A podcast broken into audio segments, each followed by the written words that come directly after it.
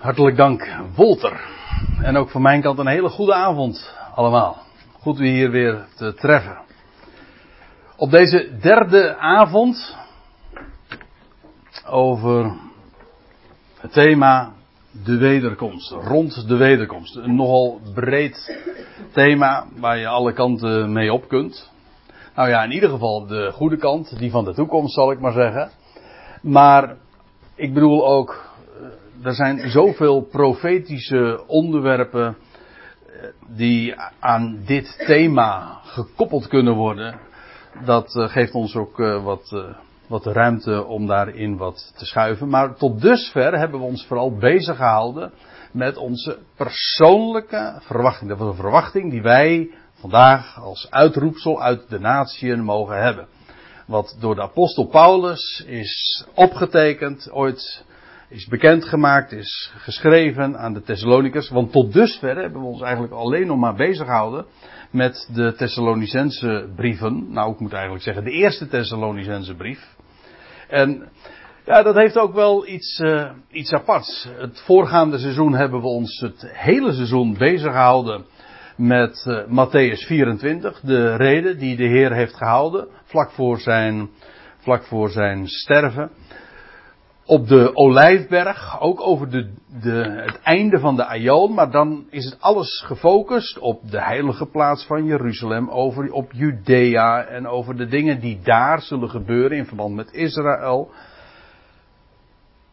Zeer actueel, ik bedoel, het zijn dingen die zeer uh, aanstaande zijn, maar toch, het gaat uh, in die zin wat buiten ons om. Het gaat namelijk over de, de gebeurtenissen die hier op aarde zullen plaatsvinden op het moment dat de gemeente, waar Paulus over schrijft, al geëvacueerd is van deze aarde. En dat is nou precies ook het onderwerp waar wij ons uh, deze avonden mee bezighouden. Ik zeg niet het hele seizoen, want we zullen ook nog wel wat uh, andere uitweidingen maken. Maar tot dusver, en misschien is het goed om eerst eventjes uh, goed ook nog terug te blikken. Zodat we zien wat we tot dusver hebben ja, kunnen vaststellen vanuit de schrift.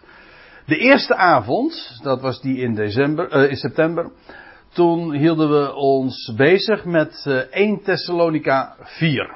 En dan wel het laatste gedeelte uit dat hoofdstuk, waar Paulus spreekt over de wegrukking.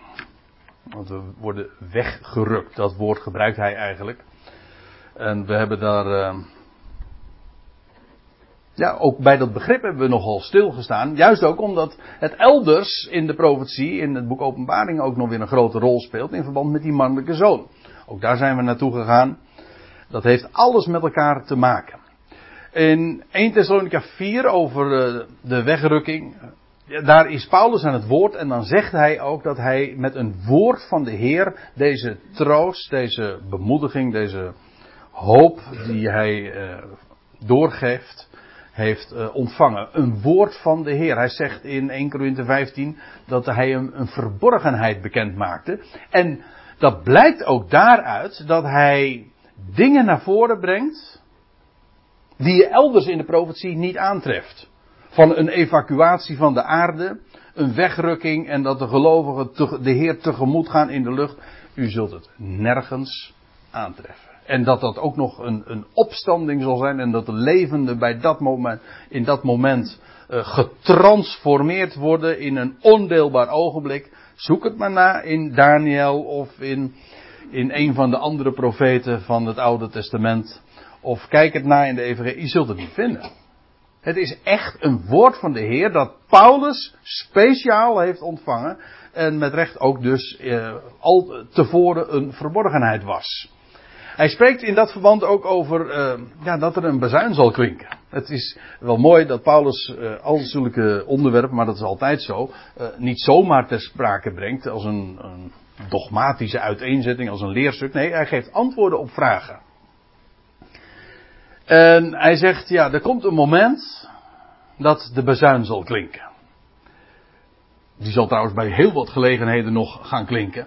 Dat uh, zou uh, iedereen die het profetisch woord, trouwens in, het algemeen ook de Israëls hoogtijden en feestkalender kent, niet moeten verbazen. Want die weet dat elke maand de bazuin klinkt. Toch? En elk jaar de bazuin klinkt. Nieuwjaarsdag, dat is een speciale dag ook van het bazuingeschal. Paulus brengt dat ook in verband met het, eh, met het roepen, het signaal van de aartsengel. Ook daar hebben we ons nog wat eh, mee bezig gehouden. En ik denk dat, eh, dat ik er dingen over verteld heb die over het algemeen niet zo heel erg bekend zijn. Dus het is me goed, misschien goed om dat ook allemaal nog even eventjes op een rijtje te zetten.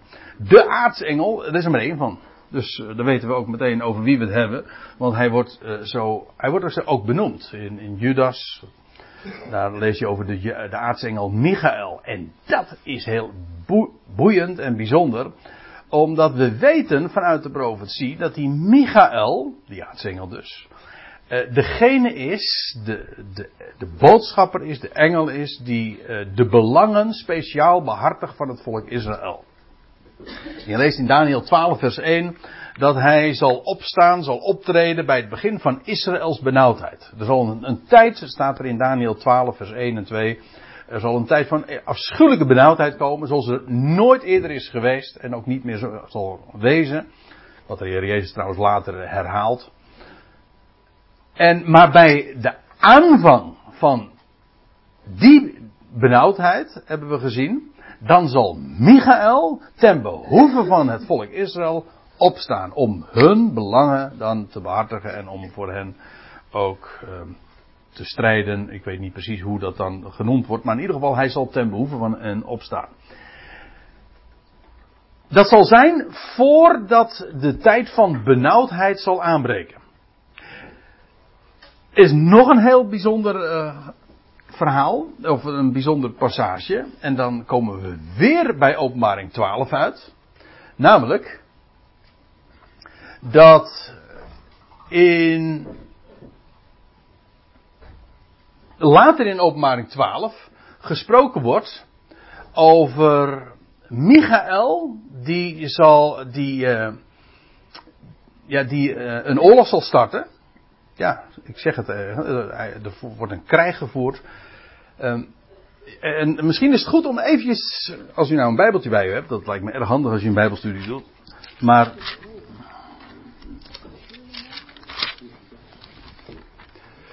in openbaring 12. Kijk, kijk, gewoon eventjes na hoe het ook is ingedeeld. Dan lees je eerst in die eerste zes versen over de, over die man, over die vrouw die in barensnood is, die een mannelijke zoon baart, die bestemd is om de, al de natieën te hoeden. En zodra dat die mannelijke zoon is eh, gebaard, dan lees je dat zij, uh, of dat die zoon, en zij baarden een zoon, ik lees even voor uit de MBG vertaling.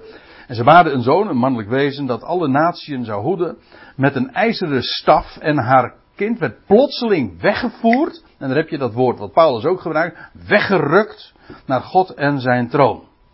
En dan staat er, en de vrouw vluchtte naar de woestijn, waar zij een plaats heeft, door God bereid, opdat zij daar 1260 dagen onderhouden zou worden.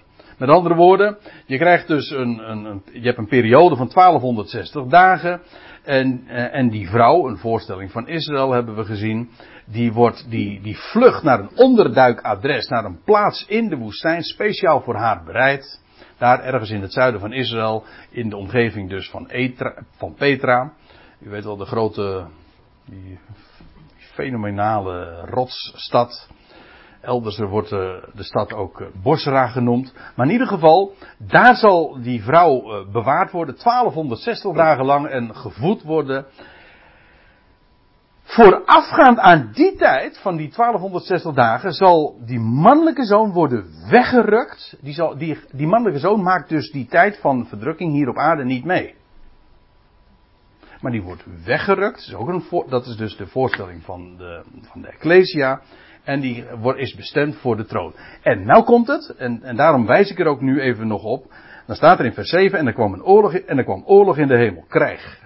Michael en zijn engelen hadden een oorlog te voeren tegen de draak. Ook de draak en zijn engelen voerden oorlog, maar hij kon geen stand houden. En hun plaats werd in de hemel niet meer gevonden. En de grote draak werd op aarde geworpen, de oude slang, die genaamd wordt die uh, duivel, diabolos, de Satan, die de hele wereld verleidt. En hij werd op de aarde geworpen en zijn engelen met hem. Nou. Ja, Ik ben geneigd om dan nog verder te lezen, maar dat doe ik even niet. Want het gaat nog eventjes om, nog steeds om, die, om die, die naam van Michael even voor het voetlicht te brengen. Dat betekent namelijk dat wanneer die mannelijke zoon wordt weggerukt tot God en zijn troon, gaat Michael ervoor zorgen dat de draak, de diabolos, de Satan, met al zijn gevolg, met, eh, met, heel zijn, met al zijn personeel om zo te zeggen, op aarde wordt ge, gegooid, geworpen, geknikkerd. Ik weet niet hoe u het liefst wil zeggen. Maar in ieder geval, hij wordt uit. De hemel, vergis je niet hè. De hemel wordt op dat moment gereinigd, gezuiverd. Feitelijk is dat dus ook het moment dat het koninkrijk begint, dat wil zeggen in de hemel. Dat wil zeggen, eh, Gods wil gaat geschieden in de hemel. Want in de hemel is, dan, dan zijn er geen tegenstanders meer. En, want de tegenstander en zijn gevolg is op de aarde geworpen. Maar dat betekent tevens dat als de Satan op de aarde is geworpen, dat is nu nog niet zo. U hebt wel eens gehoord van de val van Satan. Hè? Maar die val van Satan, die, die bestaat wel. Maar dat is toekomstig. Hij moet nog vallen en zijn positie verliezen uit de hemel. En straks gaat dat gebeuren. Als die mannelijke zoon wordt weggerukt tot God en zijn troon, dan wordt het koninkrijk gevestigd eerst daar in de hemel. De hemel wordt gezuiverd en dat betekent tevens op dat moment dat, het, uh, ja, dat de hemel uh, reden heeft om blij te zijn, maar uh, de, aarde, de aarde niet. Dat wil zeggen, nou le lees even nog met me mee, als u tenminste nog steeds uw bijbeltje open hebt bij openbaring 12. Dan staat er, en ik hoorde een luide stem in de hemel zeggen: Nu is verschenen het heil en de kracht en, de, en het koninkrijk van, van onze God en de macht van zijn gezalfde. Want de aanklager van onze broeders, die hen dag en nacht aanklaagde voor onze God, is neergeworpen. En dan lees ik even verder in vers 12. Daarom verheugt u gij hemelen en wie daarin wonen. Ja, want die is inmiddels gezuiverd. Maar wee de aarde, of wee het land en de zee, want de duivel is tot u neergedaald in grote grimmigheid, wetende dat hij weinig tijd heeft. Nou. De troon is inmiddels bezet in de hemel door de mannelijke zoon Christus, inclusief zijn lichaam, is daar ge, gezeteld. En dan wordt de hemel schoongemaakt en op aarde zal dan een vreselijke korte periode uh, aanbreken. Maar in elk geval, en dat moet uh, even duidelijk zijn, als de bezuin zal klinken, dan zal dat tevens het signaal zijn van Michael. Michael gaat dan optreden. En dat zal zijn, dat weten we en uit Daniel 12 en uit Openbaring 12, dat zal zijn aan het begin van de grote verdrukking. Oftewel aan het begin van die 1260 dagen. Nou, en, dat is een beetje een lange, lange uitweiding, maar ik vind het even belangrijk om aan te geven ook wanneer dat tijdstip zal zijn. Het is dus echt een wegrukking, maar tevens ook het moment dat het koninkrijk in de hemel gaat beginnen. Ik heb juist van de week nog een blogje aan, gewijd. Dan zal op aarde, uh, hadden we het de vorige keer ook niet over, dan zal op aarde ook echt gebeden worden. Uh, het Onze Vader. Niet meer een formuliergebed, maar dan zal men met recht kunnen bidden van uw wil geschieden gelijk in de hemel, alzo ook op de aarde. En uw koninkrijk komt. Ja. En in die volgorde, dus eerst in de hemel, dus heel, met recht heel hiërarchisch, uh, wordt dat koninkrijk gevestigd.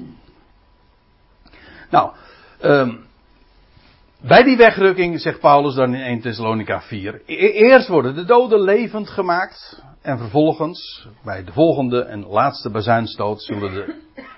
Zei ik het trouwens goed?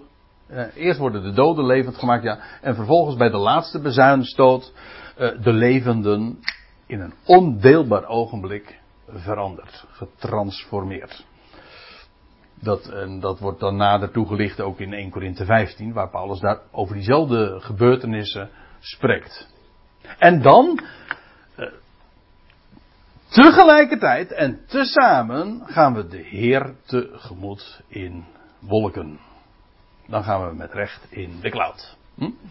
Ja, dat, eigenlijk, hoe modern is dat niet? In de clouds dan eigenlijk meervoud. In, wolk, in wolken hem tegemoet.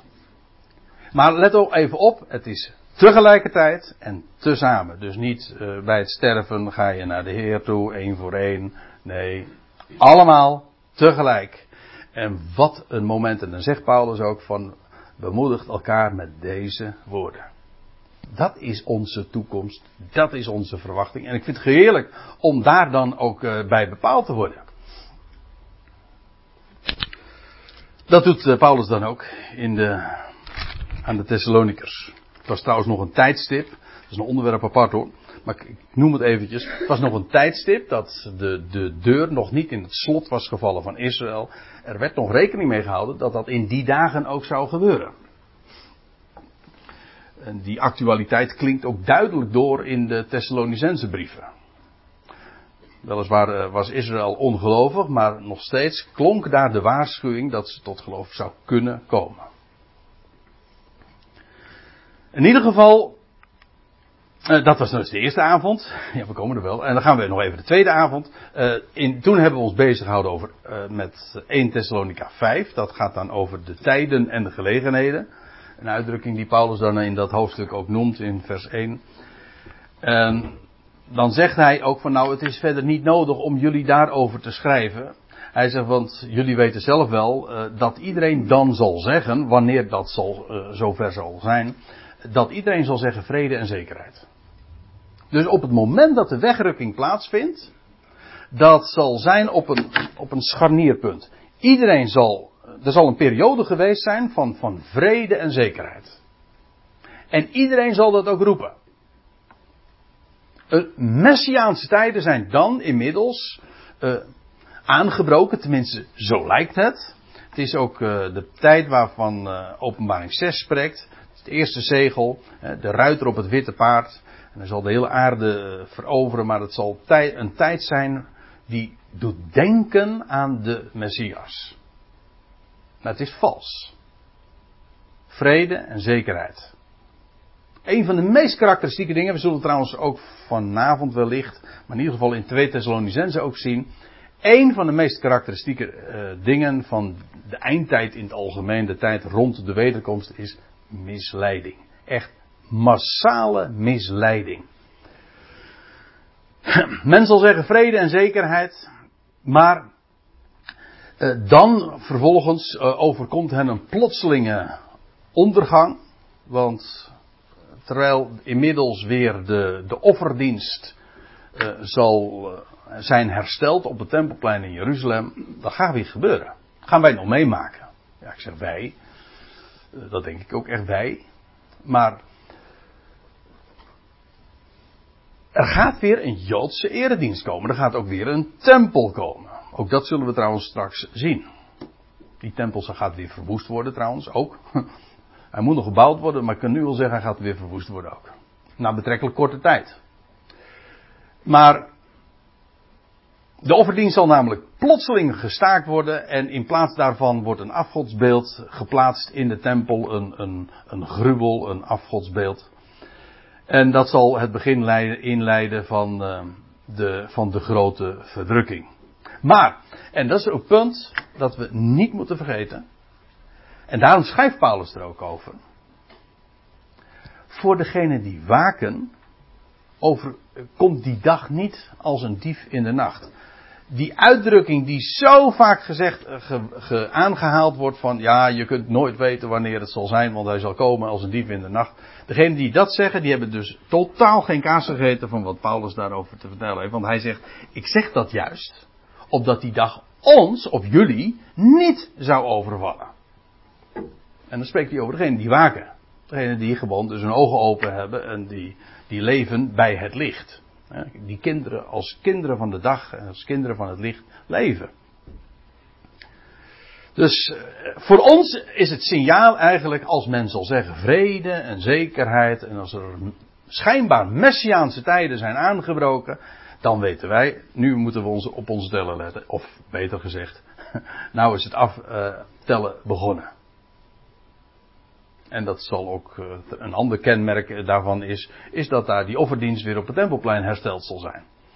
Dat zijn allemaal aanwijzingen voor ons dat dan inderdaad het moment van die wegrukking zeer, zeer nabij is.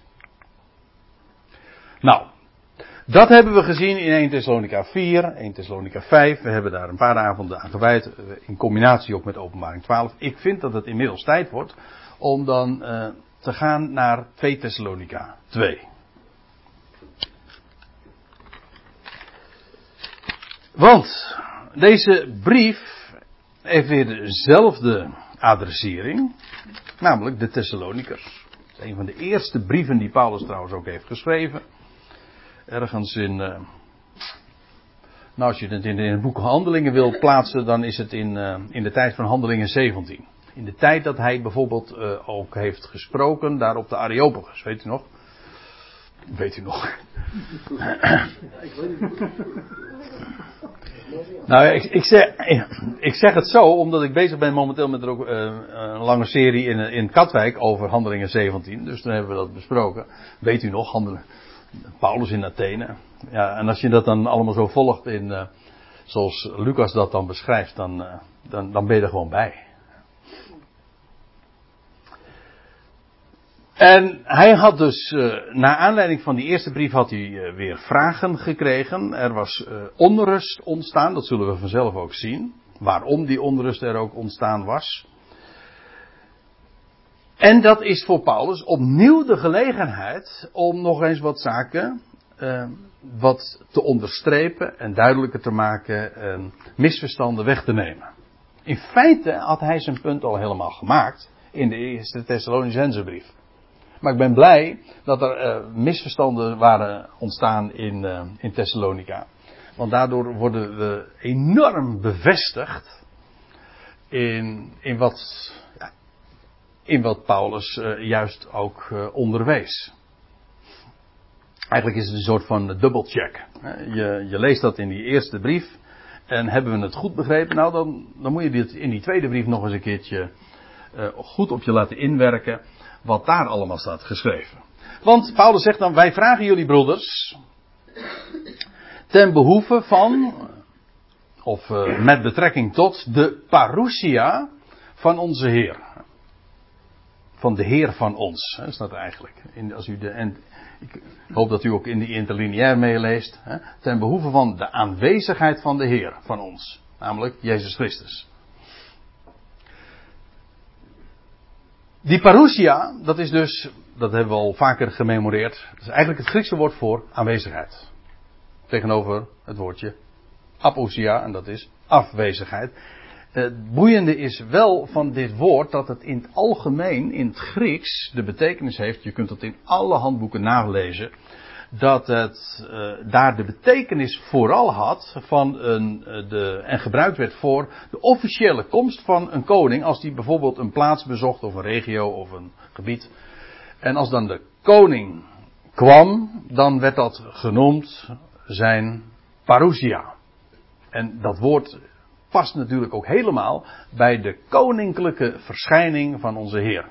Want we praten echt over, als we het hebben over de parousia, praten we echt over iemand die een troon gaat bezetten. Ik, uh, van de week of vorige week kreeg ik een brief van iemand en die noemde het de, introna, de intronatie, dat, of intronisatie. Wat is het nou weer?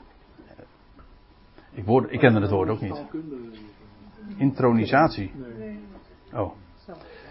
Ja, nou ja, in ieder geval, dat, eh, daarmee wordt, eh, werd gedoeld op uh, het, het, het, bezetten van de, de troon dus. Um, en dat is het ook. Vergis je niet, hè, die wegrukking is maar niet alleen maar een evacuatie om, om voor het gevaar, om, om uit het gevaar, om voor dat gevaar te behoeden. Dat is het, dat is waar. Maar het is ook om om eventjes in het spraakgebruik van die mannelijke zoon op te blijven, om die mannelijke zoon daar te brengen waar die hoort, namelijk, hij gaat heersen. Tot, hij wordt weggerukt tot God en zijn troon. En die parousia, dat is een woord dat alles te maken heeft met koningschap, met een koninkrijk. Een, een koning die de troon gaat bezetten. Nou, dat is, uh, en dat is wel degelijk ook het karakter van die wegrukking weggerukt tot God en zijn troon. Daar op het hoogste niveau. Wij zijn eerstelingen, mensen. Vergis je niet. Wij zijn eerstelingen en, en wij gaan vooraf nog aan Israël. Voordat God zijn, zijn troon, hè, of voordat de Messias, zo u wilt, zijn troon gaat vestigen hier op aarde. Uiteraard, dat kan alleen maar in Jeruzalem, want dat is de locatie. Gaat eerst de troon bezet worden in de hemel. En gaat zijn koninkrijk gevestigd worden daar. En daar zijn wij als hemelsvolk direct bij betrokken. Ja, wij zijn van hoge kom af. We hebben in ieder geval een hoge bestemming. Van hoge kom af zijn, dat, dat is nog weer, uh, dat is nog weer een. wel edel geboren. Het is wat. Wij, wij, vragen jullie broeders ten, ten behoeve van, of met betrekking tot de parousia van onze Heer, Jezus Christus, en onze opperbijeenkomst met Hem. Ja, hier staat in het Grieks het woordje epi, episynagoge. Of zo. Hè? En dat woordje epi, dat is een voorzetsel, dat betekent op. En dat andere, dat herkennen we allemaal van het woordje synagoge. En dat is eigenlijk een, een vergadering normaal, dat, juist dat voorzetsel, epi, daar, daarvoor dus is, uh, dat, dat versterkt het woord. En het wordt in de Septuagint ook nog eens een keer gebezigd. En dan gaat het bijvoorbeeld over het, het herstel van heel het volk. Als in Jezaja 57, als ik me niet vergis, wordt het ook gebruikt als, als God het hele volk zal verzamelen. En dat, wordt dan, dat, dat krijgt dan dezelfde benaming. Het is dus maar niet zomaar een bijeenkomst, maar het is een, een, een ik heb het trouwens ook in de Strong uh, woordenboek nagekeken en, dan wordt er gezegd van het is een complete verzameling. Het is niet zomaar een verzameling, nee het is een complete verzameling en het is een hele belangrijke uh, bijeenkomst dus. En dat woordje op geeft dat eigenlijk ook wel aardig weer, hè, want het geeft het is een bijeenkomst opper, hè, het is met recht ook in, in dit geval, eh, het gaat om een bijeenkomst waarbij heel de Ecclesia verzameld zal worden. En als geheel de Heer tegemoet gaat in de lucht. Nou, het woordje opperbijeenkomst lijkt mij daar perfect op van toepassing. En, uh, in ieder geval volgens onze apostel, volgens de apostel Paulus. Want hij gebruikt dat woord er ook voor. Dus niet zomaar een verzameling, nee, het is een, en dat woordje epi geeft een, een versterking ervan aan. Het is een complete verzameling. Als je de, in de Statenvertaling leest, dan wordt er gesproken over onze toevergadering. We worden vergaderd naar Hem toe. Naar boven. Ja. En dat is uiteraard de, die, die wegrukking waar we het eerder over hadden. Hoort u wat ik nu zeg? Paulus gaat nu dus verder spreken over datgene waar hij in zijn eerste brief ook al sprak. Namelijk over dat moment dat we de Heer tegemoet gaan in de lucht. En daar spreekt hij hier ook, ook weer over. Het zal zijn de parousia van de Heer van ons, Jezus Christus. En onze opperbijeenkomst, ik gebruik, blijf maar even het woord zo bezigen. En onze opperbijeenkomst, zo u wilt, onze toevergadering ja, op hem of met hem, zo u wilt. Dat is dus waar Paulus het in zijn eerdere brief ook over had. Wij vervolgen dus feitelijk dit onderwerp. Daarover gaat hij spreken. Met het oog daarop is dit hoofdstuk geschreven. En nou kan ik me voorstellen dat je denkt van waarom benadruk je dit zo? Nou, dat betekent dus dat deze, dit gebeuren, hè, de parousia van onze Heer en onze opperbijeenkomst met Hem, het onderwerp is van het komende hoofdstuk. Dat is, dat is dus essentieel, om, dat, om het, het vervolg te begrijpen, uh, moet je weten dat het hierover gaat.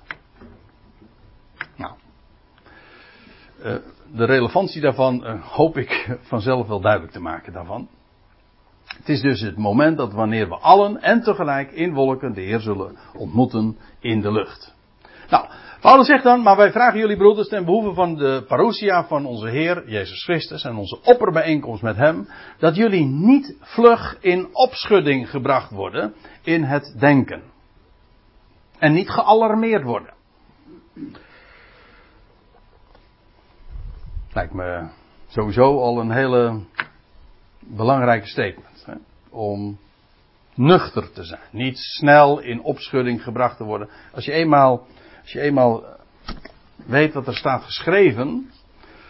Ja, dan heb je een solide bodem. Dan ben je niet zo snel meer van je stuk te brengen. Dan vind ik het heerlijker als je mag staan op de rots. Dan heb je solide zekerheid.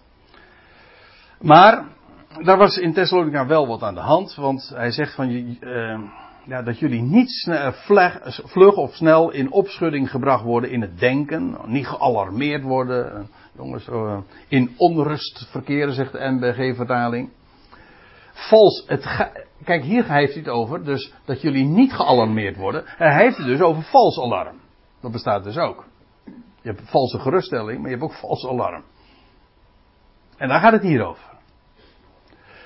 Hoezo? Nou, laten we eerst nog even verder lezen. Nog door geest, nog door woord. In de, ik heb het expres gewoon ja, zo weergegeven als dat het uh, in het Grieks ook staat. De MBG-vertaling die heeft het eigenlijk min of meer meteen uh, vertaald, geïnterpreteerd. En ik denk, ik heb er weinig bezwaar tegen.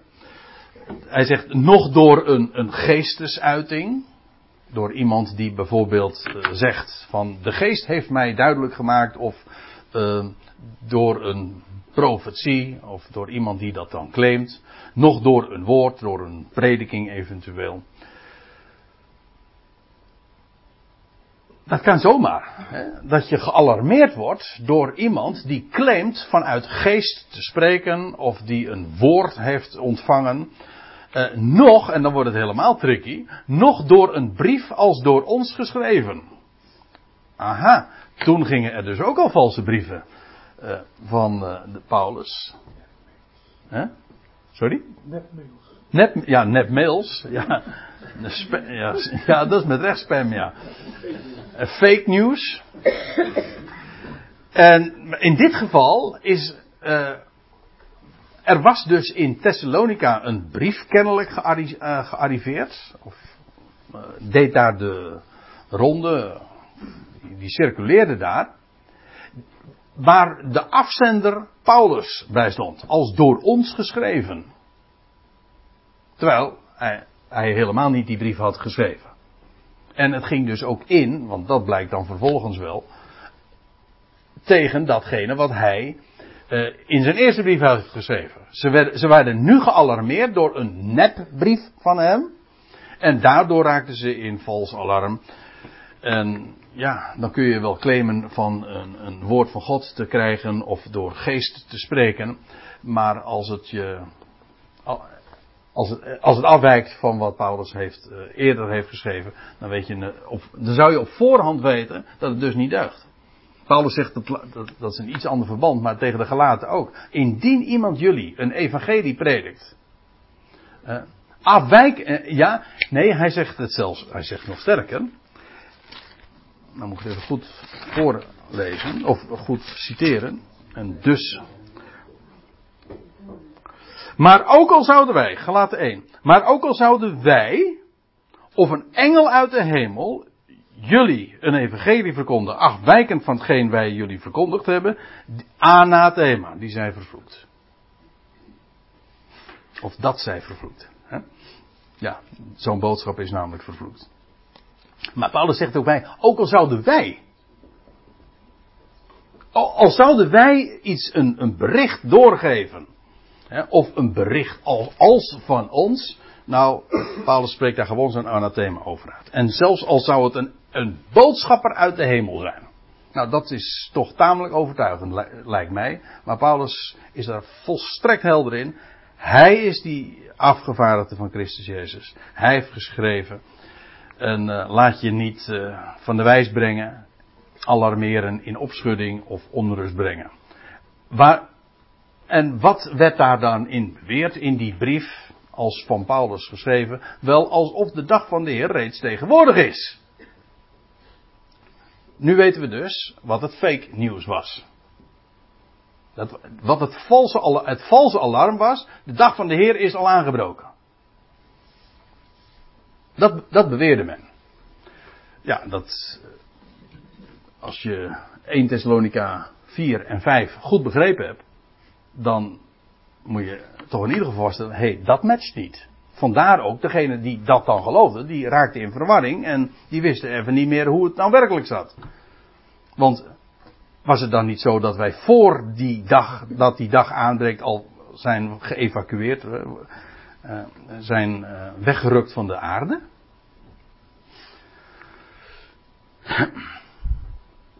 Ja, dus dit was, uh, een, dit was vals alarm en dit is wat men dus beweerde. Nou, en zegt Paulus, laat niemand jullie misleiden. Op geen enkele wijze. Want, en nou komen we. Want, zou niet eerst de afstandneming komen en onthuld worden de mens der wetteloosheid, de zoon van het verderf. De zin gaat nog door, maar we gaan nu eventjes, we gaan nu eens eventjes heel goed kijken. Want dit is buitengewoon belangrijk. Als u een MBG-vertaling hebt, uh, dan staat hier, dan moet niet, zou niet eerst, of, nou laat ik hem even voorlezen, want ik heb hem hier voor me liggen. Vers 3. Laat niemand u misleiden, op welke wijze ook, want eerst moet de afval komen. Hoe staat het in de Statenvertaling? Hetzelfde, geloof ik, hè? Ja, tenzij dat eerste afval. Maar het gaat erom, even dat woord, de af, in het Grieks staat hier het woordje apostasia. En dit is echt een buitengewoon uh, belangrijk punt wat ik vanavond, misschien, nee, ik durf wel zeggen, het belangrijkste punt wat ik vanavond wil vertellen is, hier staat geen afval. Die vertaling kun je dus in de prullenbak. ja. Nee, er staat er echt niet. Dat wil zeggen, idiomatisch, dat wil zeggen, zit de betekenis er, kan er dichtbij zijn. Maar wat er werkelijk staat is, als je het even opsplitst in zijn, in zijn elementen waaruit het is opgebouwd, dan is het eerst dat apo en dat betekent vanaf. We hadden het net over het voorzetsel uh, epi, ja precies. En, uh, uh, of epi en dan hier is het apo en dat betekent vanaf. Daar, zit beweging in. Je gaat ergens vanaf.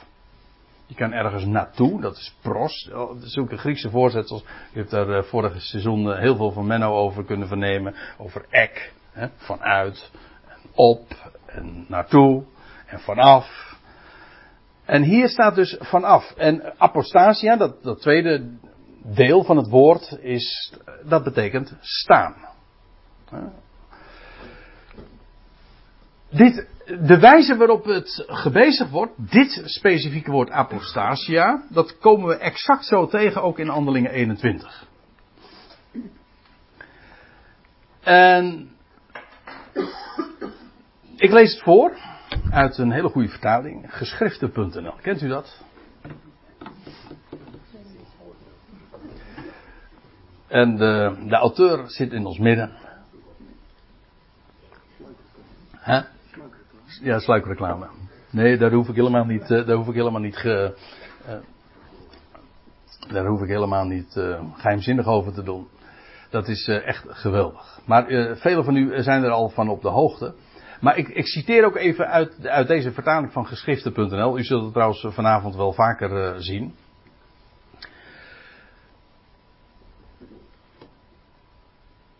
En ja, laat ik, laat ik eerst eventjes dat voorlezen. Eh, en ook even aangeven wat hier aan de hand was. Paulus is in, eh, in Jeruzalem gearriveerd. En dan wordt hij uh, gewaarschuwd. En dan zegt hij van ja, dat was Paulus trouwens al lang duidelijk. Jij, ligt hier, jij bent hier nogal erg een gevoelig onderwerp, Paulus. Waarom? Hier in Jeruzalem en al die tienduizenden Joden, dat zijn ijveraars voor de wet. Waren allemaal, ja, Messias, waren vele Messias beleidende Joden, maar allemaal leefden ze strikt naar de Mosaïsche wetgeving. Maar dan, maar dan zegt Jacobus tegen, tegen Paulus, maar ze werden onderricht om, omtrent jou. Gaat hier over die, al die Messiaanse, Messias beleidende Joden. Ze werden onderricht omtrent jou dat jij afstandneming van Mozes onderwijst. Apostasia, exact hetzelfde woord wordt hier gebuist. Gebezigd als in 2 Thessalonica 2 vers 3. Precies hetzelfde woord. Als u een NBG-vertaling hebt, staat hier ook weer eh, dat je afval van Mozes leert. Hier zou die weergave afval heel goed kunnen. Maar het is niet wat het betekent. Hij, wat hier, waar Paulus van beschuldigd wordt, is dat hij, in Jeruzalem, dat hij zou leren, jullie moeten afstand nemen van Mozes. En dat hij daar dan, eh, omdat hij zou leren eh, aan alle Joden onder de natieën, dat zij hun kinderen niet zouden besnijden, nog in de gebruiken te wandelen. Daarvan wordt Paulus beschuldigd, wat niet waar is. Paulus leerde helemaal niet aan de Joden in, de, in, de, in, de, in den vreemde dat ze hun kinderen niet zouden besnijden, nog naar de gebruiken te wandelen. Hij leerde dat ze vrij daarin waren. Dat was trouwens ook al een doorn in hun oog, maar in ieder geval, dit is hun versie dan. Paulus uh, leefde zelf ook Joods. Het was ook nog de tijd, ik herhaal het, ik, gaf net al eventjes een hint in die richting. Dit was ook nog de tijd van het boek Handelingen, dat de deur nog niet in het slot was gevallen van Israël. Nog steeds was daar de mogelijkheid dat Israël zich zou bekeren. Ook al rekende de Paulus daar niet meer op, maar het kon nog steeds. Tot handeling 28 is dat aan de orde. Israël speelt hier nog een hele belangrijke rol. Maar daar gaat het niet om. Het gaat even om dat woordje afstandneming. Nou. Ik wil u nog wat andere eh, voorbeelden daarvan geven. Dat van dat apostasia. Maar nou ga ik nog eventjes verder in de, in de familie kijken. We hebben nu eventjes een woord gezien waar dat exact hetzelfde als in 2 Thessalonica 2 eh, vers 3. Maar het woord komt nog op, op vele andere plaatsen voor in het Nieuwe Testament. En ik wil u daar een aantal voorbeelden van geven. Handelingen 12, vers 10. Ik lees u nu even voor uit de NBG. En dan, lees, dan gaat het over de geschiedenis van Petrus die bevrijd is uit, de, uit gevangenis. En dan staat er, en buiten gekomen gingen zij een straat, gingen zij een straat ver. En terstond daarna verliet de engel hem. Hier wordt weer dat woord, nou apostasia in ieder geval uit die familie, van dat van afstaan. Hier wordt het als een werkwoord gebruikt. Letterlijk, als u nou in de, in de vertaling van geschriften.nl kijkt, dan staat er. En onmiddellijk nam de boodschapper afstand van hem. Ziet u trouwens hier uh, het, het, woord afval of een, een aanverwant woord past hier helemaal niet. Het is gewoon echt afstand nemen van. Die, wat deed die boodschapper? Hij nam afstand van hem, van Petrus. Nog een voorbeeld. In Lucas 4, vers 13. Ik lees weer eerst even voor uit de MBG-vertaling. Dan staat er, en toen de duivel, de diabolos, alle verzoeking ten einde had gebracht, gaat over die, die 40 dagen dat hij verzocht werd in de woestijn, week hij van hem tot een bestemde tijd. Hier ook weer wordt het woord gebruikt als werkwoord. Hij week van hem. Als u, als u weer even kijkt in de, de, in de vertaling van geschriften.nl, een hele letterlijke vertaling, dan staat er. Toen de duivel alle verzoeking, of de, de, ten einde had gebracht, nam hij afstand van hem tot een bestemde tijd. Ook hier, hier wordt gewoon eensluidend weergegeven. Het is afstand nemen van. Wat, wat je in het Nederlands kan weergeven met, uh, wat, zagen we ook weer, uh, met verlaten of met wijken van. Maar het woord wat, wat, wat het letterlijk is, is afstand nemen. Nog één, Lucas 13.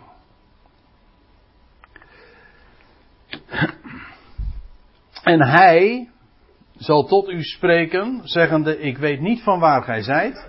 Gaat weg van mij, al gij werkers der ongerechtigheid. gaat weg van mij. Hier weer, als je in geschriften.nl kijkt, neem afstand van mij, alle werkers van de onrecht, onrechtvaardigheid. Neem afstand. Afstandneming dus. Nog één. Handelingen 19, vers 9. Paulus is in Efeze en dan lees je, maar toen sommigen verhard en ongehoorzaam bleven en ten aanhoren van de menigte kwaad bleven spreken van de weg, maakte hij zich van hen los en zonderde zijn discipelen af. Pak weer even de geschriftenvertaling erbij. En daar wordt het eensluidend telkens weergegeven. Wat lees je dan? Neemt hij afstand van hen en hij zondert de leerlingen af. Dus Paulus neemt afstand van hen. Nou, wat je nu dus even, zomaar even een paar voorbeelden van dat, dat woord, afstandneming en die verwante begrippen als werkwoord ook. In de MBG wordt het eh, vertaald met verlaten. Met losmaken van. Met wijken van. Of met weggaan. Allemaal met als grondbetekenis, je neemt ergens afstand van. Afstaan van. Ja, ik vind het heel belangrijk om dit even heel goed uh, te onderstrepen. Waarom? Omdat daarmee echt, als je dit helder voor geest hebt, dan wordt heel 2 Thessalonica 2 ineens compleet anders. Dat klinkt overdreven, maar ik durf rustig te zeggen dat met de, met de vertaling van dit ene woord het hele hoofdstuk in één keer helder wordt. Omgekeerd, dat als je vertaalt afval, zoals de MBG dat heeft uh, gedaan en de meeste vertalingen, ja, dan word je meteen op, het spoor, op een verkeerd spoor gezet. Idiomatisch kan afstandneming wel een afval zijn, bijvoorbeeld een afval van Mozes. Maar de, beteken, de betekenis is afstand nemen van. Je zou het dus gewoon neutraal moeten weergeven.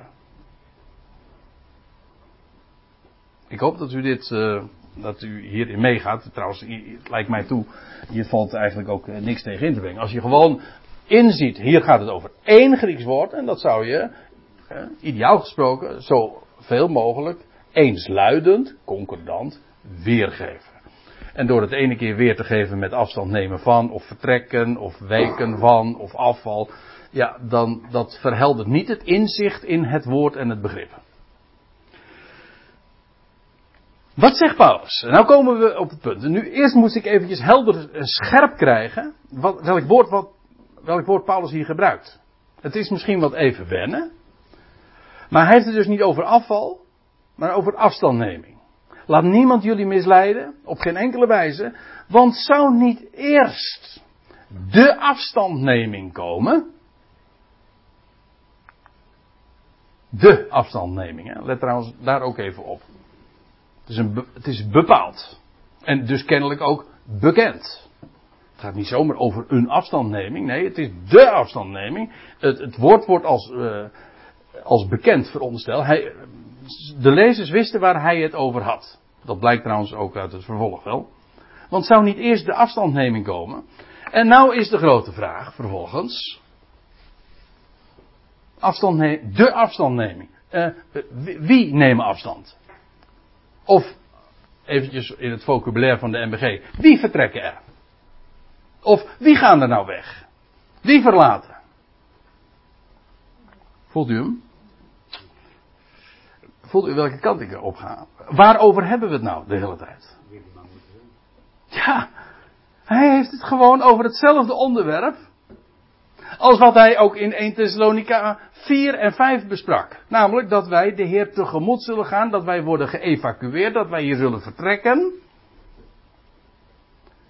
Ja, en dan gaat er hier op aarde een heleboel gebeuren. Maar eerst moeten we afstand gaan nemen. Het antwoord is, die afstandneming, dat is de afstandneming van de gelovigen die weggerukt worden.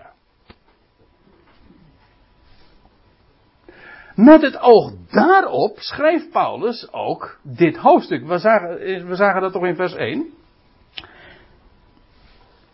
dat hij zei van, ja, ik, ik ga jullie nu schrijven met het oog, met betrekking tot de parousia en onze toevergadering, onze opperbijeenkomsten met hem.